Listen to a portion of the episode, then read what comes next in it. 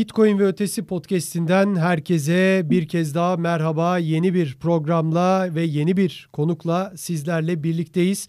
Bugün biraz daha işin hukuk tarafına gireceğiz ama tabii ki çok çok derinlere inmeyeceğiz. Teknik konulara girmeyeceğiz ama gerçekten Ripple davasından son yaşanan belki e, Eva Labs ve e, AVAX konularına, e, onun dışında menkul kıymet tartışmalarından kripto paraların merkeziyetsiz finansın, Bitcoin'in, Ethereum'un merkeziyetsizliğinin tartışmalarına kadar bütün konulara girmeye çalışacağız. Bu haftaki konuğumuz Tansel Hukuk Bürosu kurucularından biri Çağan Tansel bizlerle birlikte. Kendisi bir avukat ama aynı zamanda üniversitede ders veriyor. Çok geniş kapsamlı ve sizin belki de aslında bu konuda merak ettiğiniz birçok konuyu regülasyonlardan başlayıp da kendisiyle konuşmaya çalışacağız. Ee, eminim ki podcast bittiğinde tabii e, şunu niye sormadın diye belki hayıflanacağınız konular da olacaktır. Çünkü çok geniş ölçekte bir podcast olacak. Mutlaka unuttuğumuz konular da olacaktır ama kendisine de bir hoş geldiniz diyelim. Çağan Bey merhabalar, hoş geldiniz. Merhaba, hoş bulduk. Çok teşekkürler beni davet ettiğiniz için. Sağ olun ne demek. Hemen o zaman sizi bir yakından tanıyalım. Bize biraz kendinizden bahseder misiniz? Çünkü blok zinciri, kripto paralar sadece ülkemizde değil dünyada çok yeni konular. Tabii. Hemen sizden bir kendinizle ilgili bir, Bir giriş yapayım. evet bir giriş yaparsanız seviniriz. Ee, bahsettiğiniz gibi avukatım. Tansel Hukuk Bürosu'nun kurucu ortağıyım. Biz büro olarak yani şöyle çalışma alanı için tanıtmak açısından şöyle kısaca şeyi söyleyebilirim. Özellikle dünyada gelişmekte olan teknolojiler diye geçen Emerging Technologies tarafında çalışan bir büroyuz. Tabii başka alanlarımız da var ama buraya karşı özel bir ilgimiz, sevgimiz var. E, bu alanlarda yapay zeka tarafı, siber güvenlik tarafı olduğu gibi e, blok zinciri ve kripto paralarda başka bir önemli başlık. Evet. E, dolayısıyla bir yandan burada profesyonel olarak çalışıyoruz. Ben bir yandan da yine bahsettiğiniz gibi Bahçeşehir Üniversitesi Hukuk Fakültesi'nde blok zinciri hukuku adı altında lisans seviyesinde bir ders veriyorum. E, geçen yıl başlamıştık, müfredatımızı oluşturduk. Bu sene de her iki yarı yılda da devam ediyoruz. E, hem Türkiye'de hem de uluslararası alanda yani yabancı ülkelerde de çalışıyoruz e, hep beraber kendi meslektaşlarımızla beraber. Bu şekilde bu dünyanın içerisindeyiz. Bir de ben tabii ayrıca kendi ilgim, sevgim ve yatırımcı tarafında da düşünecek olursak kendi yatırımlarım da var tabii ki. Tamamen bu dünyanın içinde Evet. takip ediyoruz olanı biteni. Şimdi e, ders de veriyorsunuz. Bu, bu anlamda ilgi nasıl? Ee, mesela çünkü Türkiye'de... İlgi çok yüksek. Evet. İlgi çok yüksekti. İlk başta ben de hani gerekli bütün bilgileri zaten sürekli e, şeyi alıyorum yönetimden. Sorduğum zaman bana direkt şey demişlerdi. Zaten kota koymak zorundasın. Çok fazla ilgi var. Altından kalkamazsın dediler yani böyle bir şeyin. E, Ben dedim ki hocam hani nereye kadar gidebilir diye konuştuğum zaman valla 200-300 kişi çok rahat alabilir dediler. Bu tabii çok güzel bir şey bir yandan Tabii, ama tabii. Tabii hani bizim de e, iş yükümüzü zamanımızı aşan bir hale geldiği için ilk başta 50 kişiyle sınırladık. E, bu sene de bir 30 kişiyle sanırım sınırlayacağız. Bir öyle bakacağız. Ama Evet.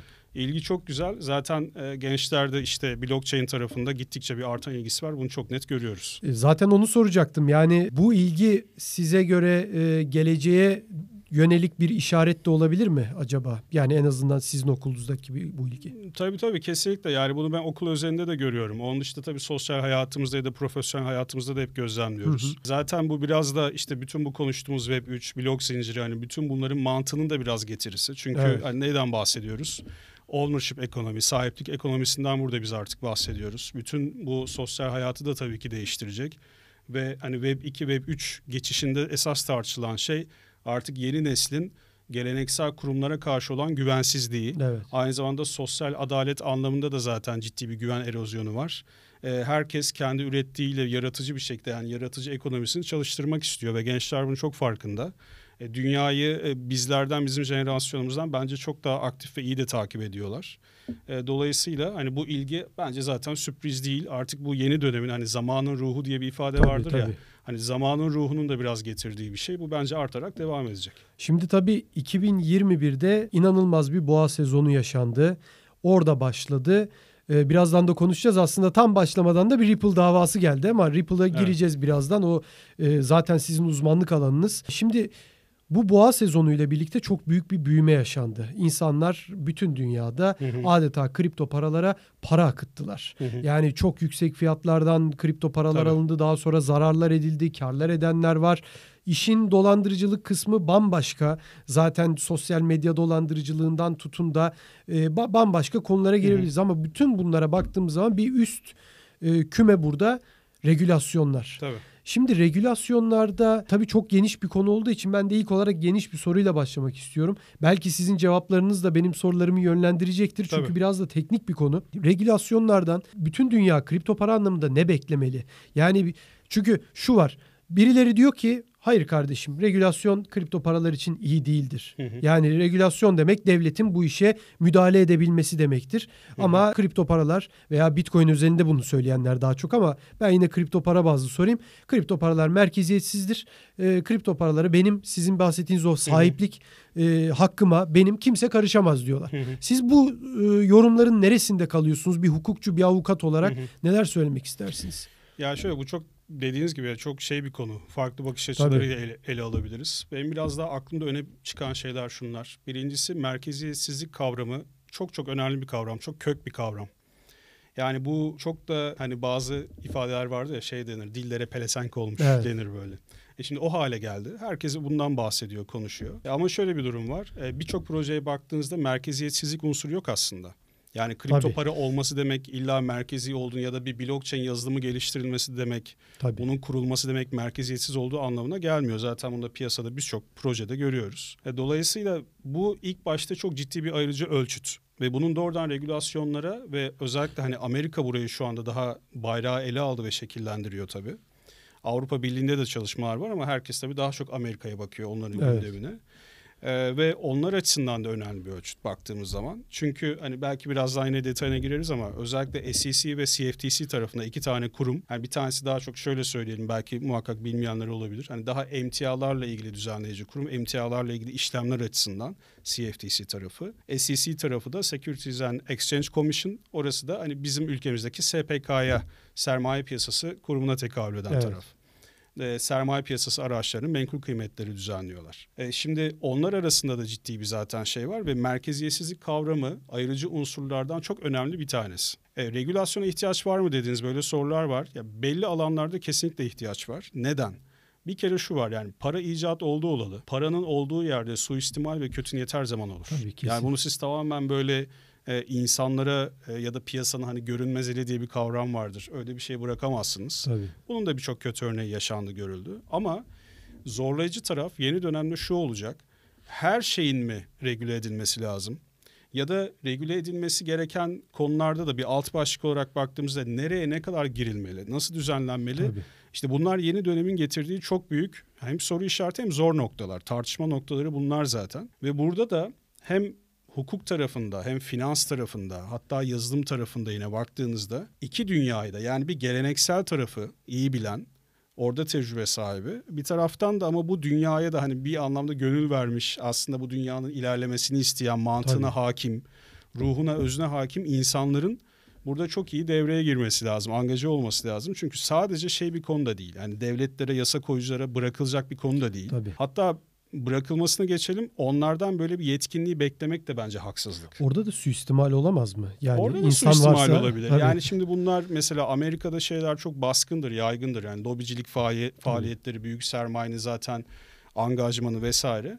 E, dolayısıyla herkes biraz da tabii kendi gündemine, kendi çıkarına göre belli bir hani suyu belli bir yöne doğru akıtmaya çalışıyor elbette. Dolayısıyla hani o tip şeyleri de mümkün olduğu kadar herkesin bir menfaat dengesini oluşturmak için ne kadar geniş katılım olursa farklı bu gruplardan o kadar önemli. Ama bunlar tabii kolay şeyler değil. Çünkü şöyle söyleyelim.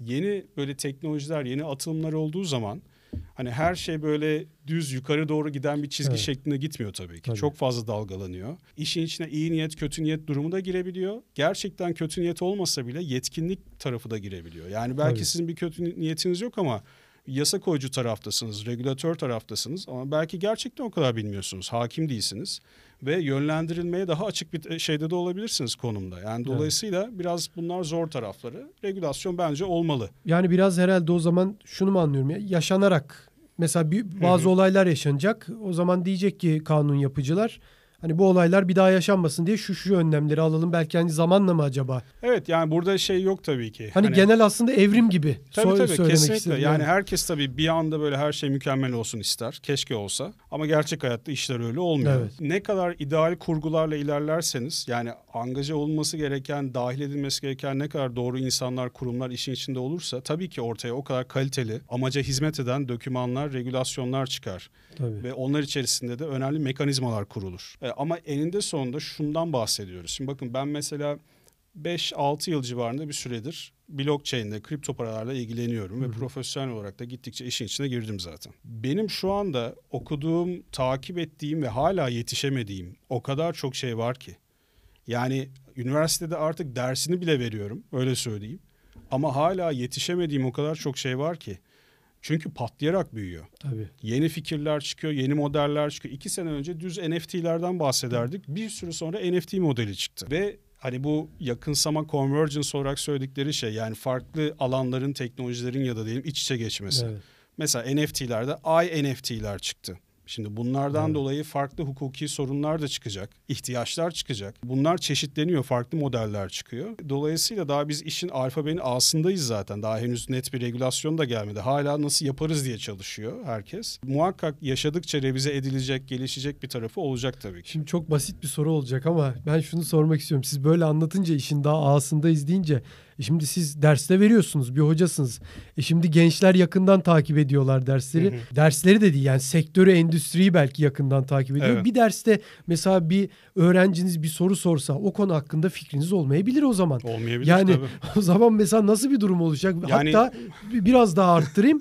Belki sizden daha iyi bilen öğrenciler çıkacak. Hocam Belki, hayır o öyle değil olabilir. ama böyle bir de bu var. Bir de Tabii, buradan tabii. baksın. Mesela öyle bir durum olsa Şimdi şaşırır bir- mısınız? Ne tepki verirsiniz? Hayır hiç şaşırmam ve bu konuda da ben çok samimi bir şekilde şunu söyleyebilirim. Eğer mesela mütevazi olmanız gereken yegane alan varsa esas bu alanlar. Gelişmekte olan teknolojiler. Her alan için geçerli ama hani bu iyice zorlayıcı hale geliyor. Çünkü çok farklı interdisipliner bir alandan bahsediyoruz. Şimdi bakın biz mesela hukuk fakültesinde işte dersten bahsettik. Tabii ki birçok konu hukuki tarafa dokunuyor, değiniyor. Hukuki tarafta tartışmaları yapıyoruz ama biz ilk sanırım 4-5 hafta falan hukukun H'sine girmedik yani. Hmm. Hep teknik tarafı çalıştık. Çünkü esas teknoloji anlamında nasıl işlediğini, nereden çıktığını, e- öncesini, sonrasını vesaire tartışmazsanız Evet. Mesela proof of work'le örnek veriyorum Satoshi'nin sosyal anlamda neyi çözdüğünü bilemezseniz o teknolojinin mantığını sindiremezsiniz zaten. Teknolojik bir yöntemle sosyal bir sorunu, konsensüs Evet. sorununu çözebiliyor Satoshi mesela proof of work'le. Şimdi daha bu konulara girmeden, bu detaylara girmeden biz direkt hukuki tarafta akıllı sözleşmenin efendim detayı şöyle olsa geçerli olur mu, olmaz mı, şekli böyle olursa vesaire gibi ya da NFT'lerde, DAO'larda, DeFi'lerde şu olur mu gibi hukuki tartışmalara girsek çok havada kalır. Tabii. E böyle bir alandan bahsediyoruz. İnterdisipliner bir alandan. Hatta bir hocamız sen öyle de deme disiplinler üstü diye söyledi direkt. Öyle bana söyledi. O da öyle de denebilir. E böyle bir alanda zaten ve sürekli patlayarak büyüyen bir alanda mümkün mü yani bir kişinin böyle ben geldim buranın şöyle uzmanı oldum hani yaladım yuttum Tabii. bitirdim falan demesi mümkün mü zaten? Mümkün Yok, değil. Estağfurullah o açıdan Müm- sormadım zaten değil de yani. hani şaşırır mısınız hani bunu bu Hayır, yaşanıyor mu oradan- belki tabii, tabii. yaşamışsınızdır. Oradan gelerek söylüyorum. Evet, evet. Oradan gelerek diyorum ki kimsenin öyle zaten düşünmemesi Evet. lazım. Eğer öyle düşünürseniz şaşırmazsınız. Sizden çok daha iyi bilen, takip eden, daha çok zamanla ayıran insanlar da çıkabilir. Vardır da böyle insanlar zaten. Ve bunlar atıyorum 13-14 yaşında birisi de olabilir. Genç bir arkadaşımız da olabilir. Üniversite öğrencisi olabilir. Ha benden çok daha yaşça büyük de birisi olabilir mesela. Evet. evet. Yani çok şey bir alan. Mütevaziliği Tabii. kesinlikle çok gerektiren ilk bence alanlardan biri bunlar. Tabii. Şimdi hemen o zaman o kadar geniş bir konu ki gerçekten sizin söylediklerinizi ben dinleyince aklıma e, spontane başka sorular da geliyor. Tabii. Ama çok geniş bir alandayız ve bazı konu başlıkları var. Ben oradan gideyim. Şimdi son e, güncel bir olayla başlayalım. E, Eva Labs e, ve e, Avax Hı hı. olayı. E, şimdi tabii Eva Labs deyince belki Avax deyince daha çok anlıyor. Avalanche deyince Evet, insanlar ama evet. biraz o açıdan soruyorum ki işin içinde de aslında Avax token da var. Yani şimdi bir Amerika'da şöyle de bir bilgi de verelim bilmeyenler de olabilir. Avax'ın ihraççısı Eva Labs ve o, hı o tür işleri yapıyor. Ve onların e, bir bu hafta geçen hafta daha doğrusu bir anonim bir blokta bir şey çıktı, bir yazı çıktı. Labs Labs bilerek bir hukuk şirketine para veriyor. Hatta Labs hissesi verilmiş, AVAX tokenlar verilmiş e, ve diyor ki bizim rakiplerimize artık Binance olur, başkası olur ki Binance de dedi ki ben rakibi değilim ki dedi. Yani ben bir borsayım dedi Şey mesela. çıktı, Solana gibi Tabii, şeyler tabii. konuşuldu. Ee, orada, evet, rakip yani olarak. işte Zaho'da Binance Başkaları da var. Evet. Binance CEO'su da onu dedi. Aslında doğru bir mantıklı Evet. ama Binance USA'da dava açıldı açıkçası Eva Labs Evet. tarafından. Yani para vererek sen bunlara dava aç. işte onları zor durumda bırak gibi gibi bir bir müdahale ya da bir hamle şansı verilmiş Hı hı. bu hukuk bürosuna ve bu hukuk bürosunun ortaklarından biri de ve avukatlardan biri bu davayı açanlardan biri de bu bazı görüntüleri ortaya çıktı. Evet. Bazı açıklamalar yapıyor ve bunların da aslında bu iddiaların da e, net şekilde biraz da doğru olduğunu gösteren açıklamalar yapıyor. Böyle bir özet geçtim. Yani biraz uzman coin'i takip ettiyse şu an izleyenler veya dinledilerse genel sektörü takip ettilerse çünkü çok daha detayları var ama ben size vereyim hemen sözü. Çok uzattım. Neler düşünüyorsunuz? Yani bir avukat olarak, bir hukukçu olarak tahmin eder miydiniz? E, Olur böyle şeyler mi dersiniz yoksa şoke mi oldunuz mesela? Yani şöyle sırayla belki şunu söylemek lazım. Öncelikle bu konuya dair bütün, bütün bizim takip ettiğimiz, gördüğümüz, izlediğimiz şeyler bizim açımızdan hep bir iddia seviyesinde. Gerçekten kim neyi doğru söylüyor, söylemiyor bunu bilme imkanımız yok dışarıdan. Çeşitli açıklamalar yapıldı. Yani orada e, videodaki Amerika'daki avukat kendisi de sonradan bir açıklama yaptı. İşte mesela videoların çok yoğun bir şekilde editlendiğini, çarpıtıldığını söyledi. Evet. Kendisini biraz tuzak gibi ortamın kurulduğunu ifade etti vesaire. Şimdi iki tarafta hani bir ortada videolar var, iddialar var. Bir de avukatın açıklamaları var. Yanlış bilmiyorsam ki sanırım çekmiş bugün itibariyle daha önceden açmış olduğu Evet. davalardan da feragat etmiş. Onu öğrendim. Birkaç tanesi duruyordu. Solana ile Hepsi Binance US duruyordu ama Evet. Bitfinex olsun, Binance'in genel küresel Binance onlardan çekildi evet. Emin Gün Sirer hocamızın da açıklamaları vardı konuyla ilgili. Yani ben şöyle söyleyeyim. Şimdi tabii o taraf yani iddia ve tartışma tarafının biz dışındayız tamamen. Orada hiçbir yani yorum yapmamızın bir şey yok. Ama şöyle söyleyebilirim. Umarım gerçek çıkmaz o tip şeyler. Çünkü o zaman e, hani Avalanche'a, Avax'a da daha ciddi bence zararı olur. Eğer bir doğruluk payı çıkarsa herhalde bir süreç yaşanacak bunlarla ilgili. Evet. E, çünkü oradaki iddialar e, ağır iddialar. Yani gerçekten Tabii. eğer böyle bir doğruluk payı falan çıkarsa e, Avax'a zarar vere, Avalanche'a zarar verebilecek hale gelir. Yani bir taraftan izleyip göreceğiz ama ben şu açıdan yorumlayayım biraz. E, regülasyon anlamında da hani çok aslında böyle ekstra bir şey çıkaracak bir önemi yok o olayın. Çünkü daha böyle müferit o marka yani marka demeyeyim de platformlar diyeyim, isimler diyeyim. Onlar arasında aslında olan bir olay. Biraz süreci izleyip görmek lazım. Hani AVAX yatırımcısı açısından da tabii önemli bir konu. Belki AVAX'a yatırımlar, yatırım yapanlar varsa onların da biraz yakından takip etmesi e, gerekebilir. Çünkü Evet. etkileyebilecek nitelikte bir hale dönebilir. Ha, hiç dönmeyebilir bilmiyoruz. Sadece izlemek lazım o anlamda söylüyorum. Evet. Şimdi başka bir önemli davaya geçelim. Biraz önce de zaten bu konuda bir- bir girişte söylemiştim. Şimdi bu boğa sezonundan önce e, Ripple'a bir Ripple şirketine bir dava açıldı. Evet. Kayıtsız menkul kıymet satışı davası. Yani biz haberleştirirken Türkçe'de hep böyle yazıyoruz. SEC'den kayıtsız menkul kıymet satışı davası diyoruz. Artık doğru mu onu siz bize yorumlayacaksınız ama ne düşünüyorsunuz bu davayla ilgili? Şimdi Aralık ayına da 3-4 ay kaldı ve Evet. 2 sene olacak. Evet. Pek bir ilerleme de yok gibi. Yani e, biz uzman coin olarak da onunla ilgili çok haber yaptık ve benim gördüğüm aslında Ripple'ın iyi de bir savunma yaptı. Hı hı. İyi şekilde gidiyorlar gibi geliyor bana. Ya dışarıdan tabii siz çok daha iyi yorumlarsınız. Neler söylemek istersiniz? Avax için, Avalanche için sorduğum aynı soruyu sorayım. Yani şaşırdınız mı? Bekler miydiniz böyle bir şey? Çünkü SEC neredeyse Gary Gensler aslında kripto paracılar için Hı hı. umut veren bir insandı. Hani eskiden evet. Bitcoin dersi verdi, o oldu, bu oldu.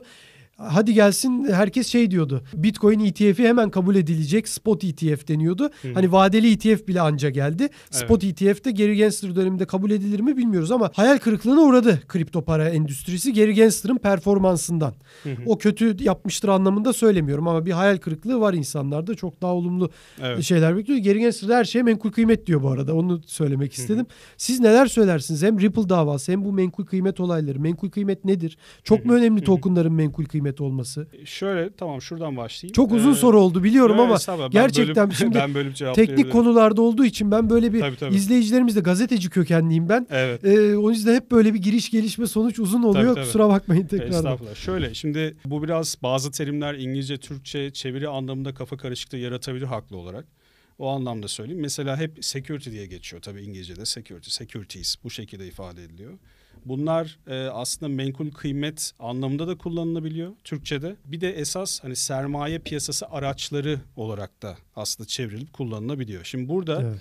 özellikle altcoin'ler anlamında tabii konuşacak olursak zaten SEC'nin uyguladığı Amerika'da Hovi test denen bir şey var. Daha önce de bir 1946 tarihli bir içtihattan çıkan bir test bu. Yani oradaki kriterleri uyguluyorlar. Ve oradaki kriterleri uyguladıkları zaman buna bir yatırım sözleşmesi mi değil mi diye bakıyorlar. Yatırım sözleşmesi yani investment contract. Bizim kanunumuzda da geçer. Sermaye piyasası kanununda da öyle bir detaylı maddesi bir şey yoktur. Böyle çok kısa bir tanımla falan geçiyor yani maddede geçiyor ama hani oradan o anlayıştan gelen bir şeydir. E, bu ne önemi var? Şimdi diyor ki SEC eğer bir yatırım sözleşmesi niteliğinde bir yere geliyorsam diyor ben bu testi uyguladığım zaman sonuç öyle çıkıyorsa o zaman sen zaten benim burada hani bekçiliğini, hamiliğini yaptığım sermaye piyasası mevzuatına tabi hale gelirsin. Evet. E, o zaman da gerekli prosedürleri, mekanizmaları işletmen gerekir diyor. Şimdi bu konuda Ripple davasından siz örnek verdiniz. Şöyle söyleyeyim. Ripple davasının açıldığı zamanla şu anki dönem arasında köprünün altından çok sular aktı. Tabii. Ve çok uzadı dediğiniz gibi. Yani şöyle kripto para dünyasında iki sene, üç sene çok uzun zamanlar. Çok şey değişiyor, çok hızlı değişiyor e, çok zaman geçti. Ben tahmin olarak söyleyeyim bunun bir anlaşmayla bir settlement'la biteceğini düşünüyorum. E, Ripple'ın da bazı iyi hamleleri oldu vesaire. Çok uzatmamak için o teknik detaya girmeyeceğim ama şunu söyleyeceğim.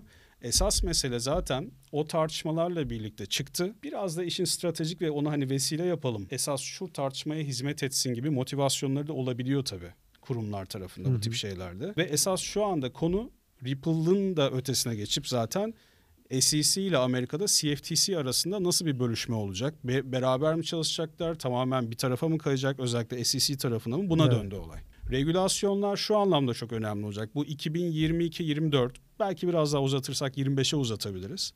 Bu 2-3 yıllık dönem içerisinde kripto paraları takip eden, yatırım yapan, işte trade eden, al satını yapan insanların muhakkak hani çok iyi takip etmesi lazım. Çünkü hatta geçen de de bir örneğini yaşadık. Ee, bir işte coin'le ilgili bir değerlendirmesi vardı. İşte hani security olabilir diye bir anda çok ciddi değeri düştü.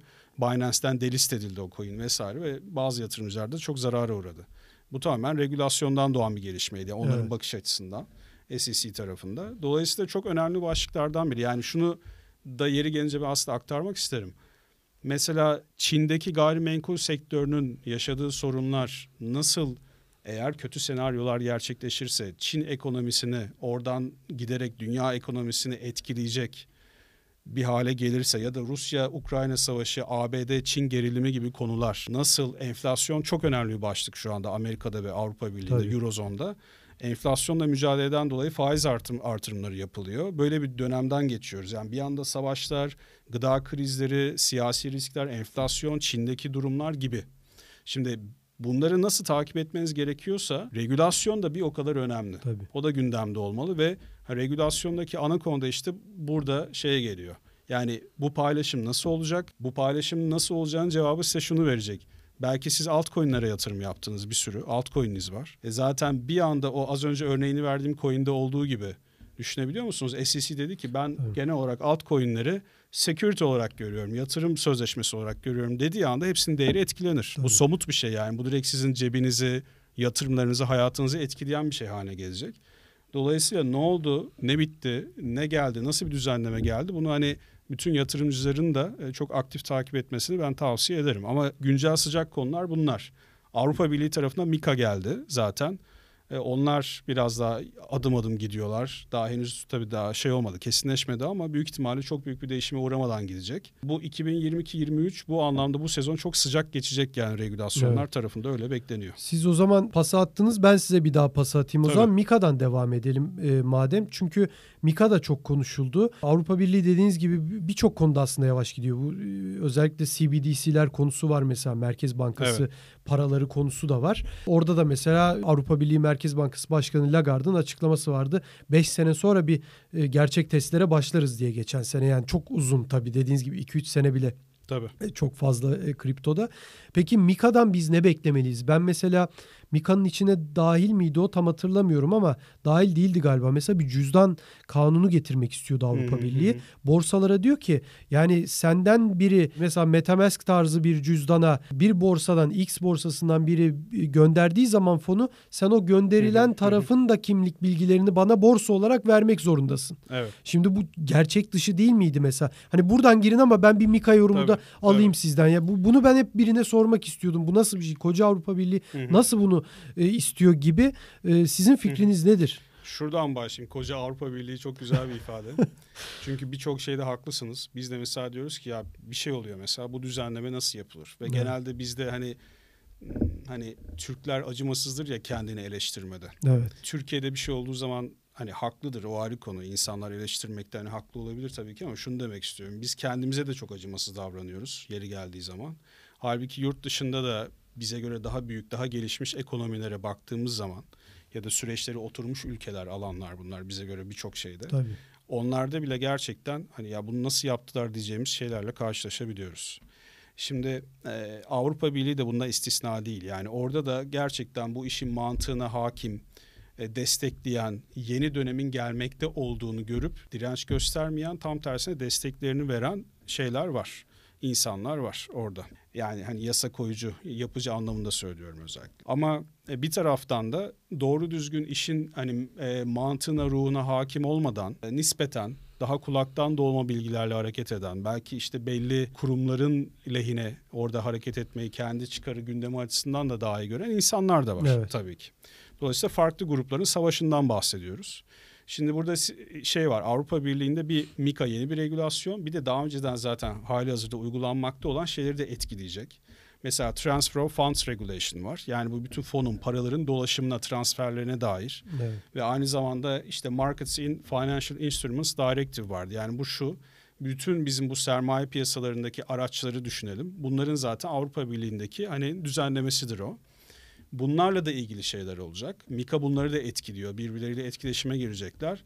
Sizin bahsettiğiniz örnek o işte self custody wallet diye geçen aslında bizim anla- hani anladığımız alanda özel cüzdanlar, Tabii. şahsi cüzdan. Bizim MetaMask'ımız gibi mesela ya da işte hardware ve donanım cüzdanlar. Borsa cüzdanı değil. Evet, borsa cüzdanı değil. Hani onlara yapılacak transferler ve onu çünkü hani direkt şu gözle bakıyorlardı.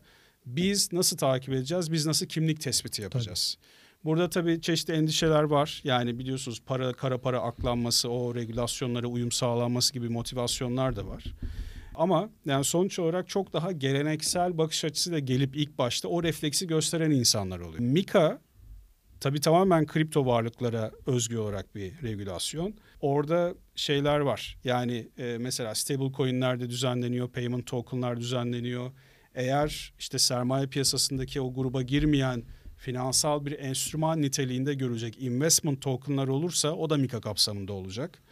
White paper'ların uygulamasını düzenliyor. Tabii stable coin'lerin e, ve kripto para hizmetleri sağlanmasını, kripto varlık hizmetleri için birçok şey getiriyor. Biz Mika geldiğinde nasıl bir dünyaya uyanacağız?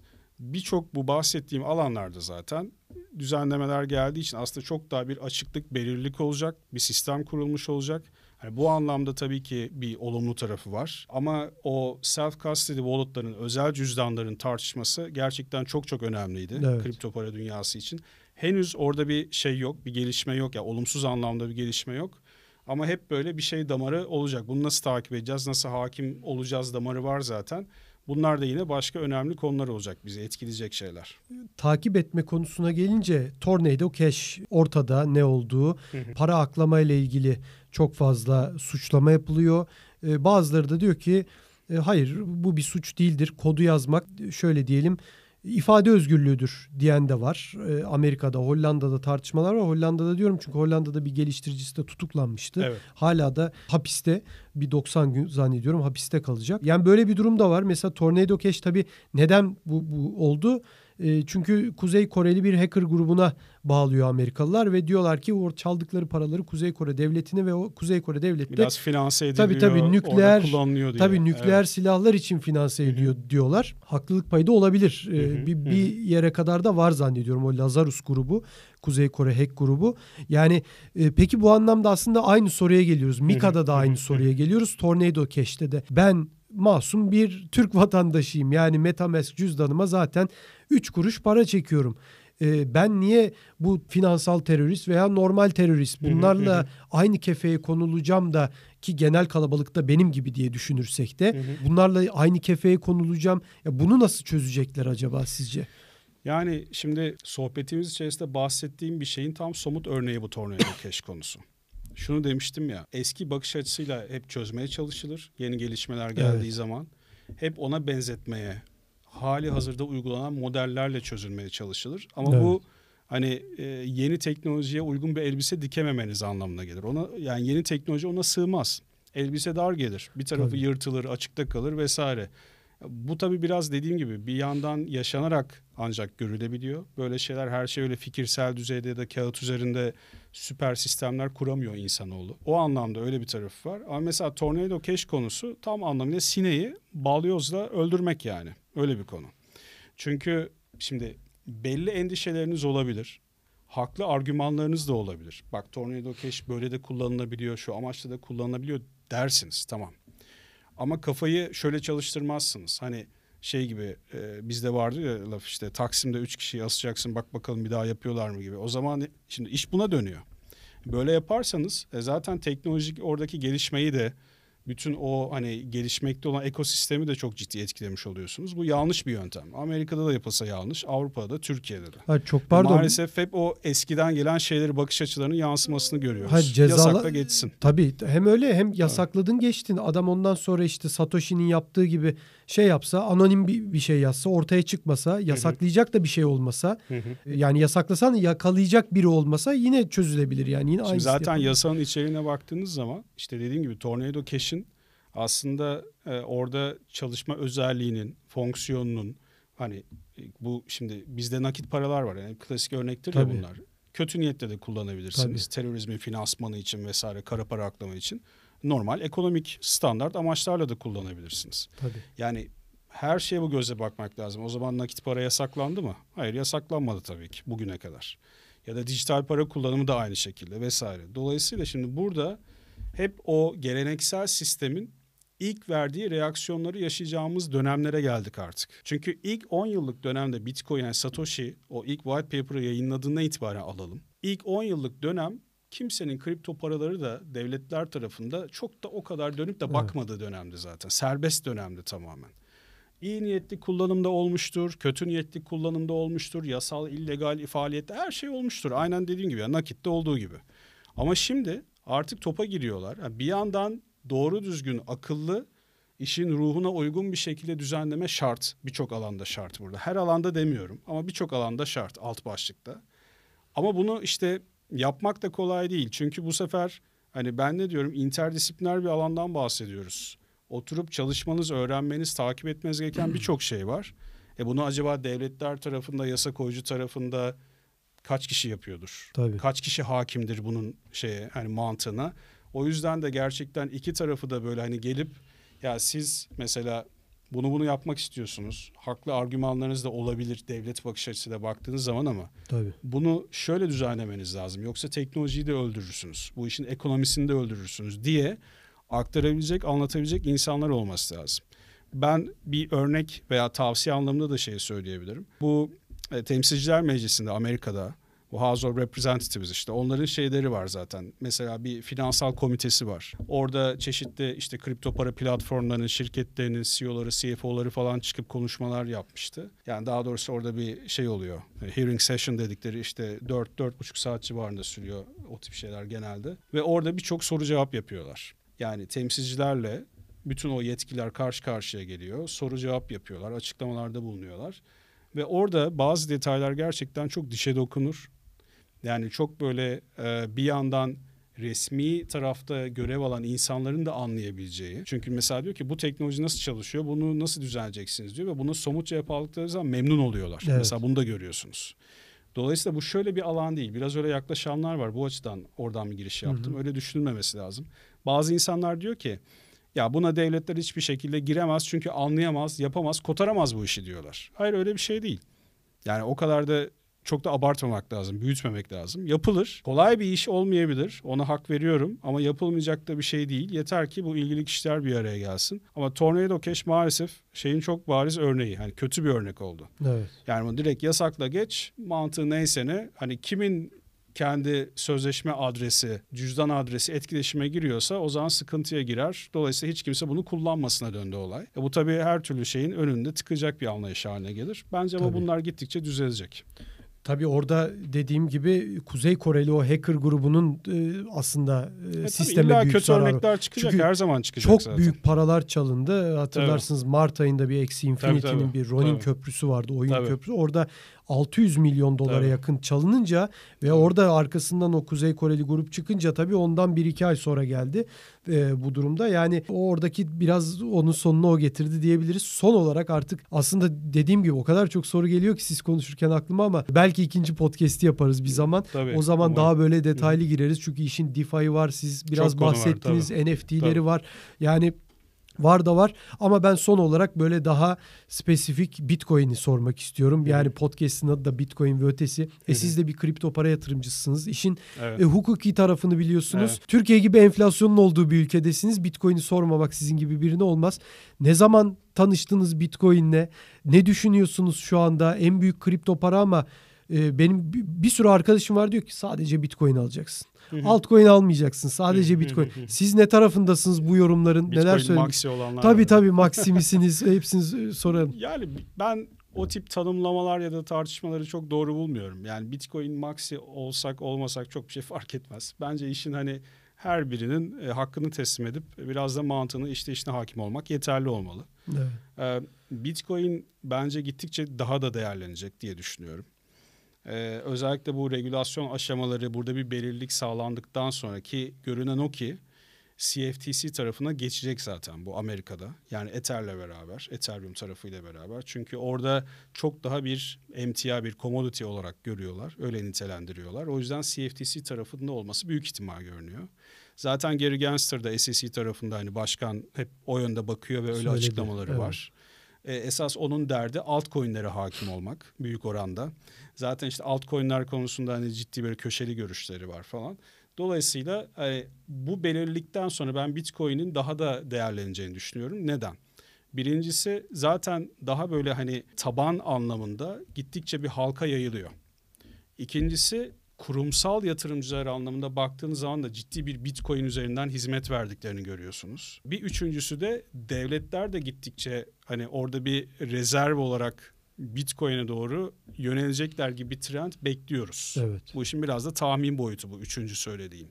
Ama öyle görülüyor. E, kendi mekaniğini de düşündüğümüz zaman zaten değerinin artmasında kendi hani sınırlı arzından dolayı da orada bekleyebiliriz. Hani ana unsurlar olarak bunları söyleyebilirim. tabii. Çok detaya girmiyorum ama ben değerleneceğini düşünüyorum. Benim hani herhangi bir tabii ki yatırım tavsiyesi falan vermiyoruz. Tabii ki tabii. ki. Ee, öyle bir örnek olmasın. Herkes kendi takdirde kendi kararını vermeli, araştırmalı ama ben kendi bakış açım hep şuydu Bitcoin'e. Anadolu altın biriktirme mantığı derdim ben hep. Ve böyle yapan arkadaşlarım da vardı benden daha önce başlayanlar. Hep şey derdim yani alım gücünüze göre az çok demeden zaten kripto paraların avantajı da o. Ya hep ya hiç yok. Evet. Fractional bir şey kısmi olarak alabiliyorsunuz Tabii, tabii. zaten. İşin güzel tarafı da o. Yani orada biraz böyle hani belli belki fiyat seviyelerine uygun olarak saptayıp Tabii. oralara geldiğinde alacak şekilde biriktirmek bence Bitcoin için ideal yöntemlerden biri. Çok fazla öyle alsata elverişli bir şey olduğunu ben düşünmüyorum. Tabii. Benim kişisel tercihim bu yönde. Herhangi dediğim gibi tavsiye olmasa da biraz bakış açımı özetlemek açısından bunları aktarabilirim. Ne zaman tanışmıştınız ilk? Erken dönem mi gi- girenlerdensiniz? Ben çok erken dönemlerde Evet, girenlerden evet. değilim. Keşke girseydim. O dönemlerde maalesef iş hayatım, özel hayatım öyle bir yoğunlukta gidiyorduk ki dönüp hiç öyle bir teknolojiyle ilgilenme imkanım olmadı. Ee, ben daha 2017 döneminde itibaren giren ekiplerim değil. Evet. Öyle bir kısım da var. Ben de çünkü. öyleyim. Yani genel aslında şimdi bir 2021 var. O altcoin sezonu O ayrı ama en son tabii en son yani, ama tabii. bir 2017 Evet. mezunlar derneği de var evet yani. evet anlamda. aynen öyle bir öyle bir dönemde girdim ve keşke hep şey dedim keşke daha önce tanışsaydım çünkü hakikaten şey gibi oluyor böyle Alice Harikalar Diyarında delikten düşer ya böyle sürekli. Tabii tabii. O benzetmeyi çok seviyorum. Bence Bitcoin'e çok uyuyor. Yani üstüne ne kadar kitap okusanız, makale okusanız, öyle boyutları şeyleri var ki yani finans tarafı var. İşte zaten ekonomi tarafı kendi içinde bütün. Teknolojik tarafı var, getirdiği o sosyal çözümü var vesaire vaat ettiği şeyler bence mükemmel bir kurgu. Evet. Hakikaten şey yani kaybetmişim diye bakıyorum o birkaç yılı. Tabii yani bizim e, yaşadığımız dönemde de hani hep tarihte vardır ya büyük olaylar böyle. Evet. Belki de yüzyıllar sonra e, hani böyle bir Bitcoin diye de işte 2008 yılında çıkmıştı diye yani de krizle birlikte. Öyle söylenecek eminim. E, yani bir dönüm noktası yani tabii, kesinlikle. Tabii hani var ya mesela işte Fatih'in İstanbul'u alması, Doğu Roma'nın bölünmesi, kavimler göçü yani evet. Bitcoin'in belki de icadı diye tarihe yeni bir kapı tabii. diye geçecek belki yani tarih kitapları. Eskiden kağıt para da yokmuş. Zaten tabii, çok tabii. öncesine gidecek olursak.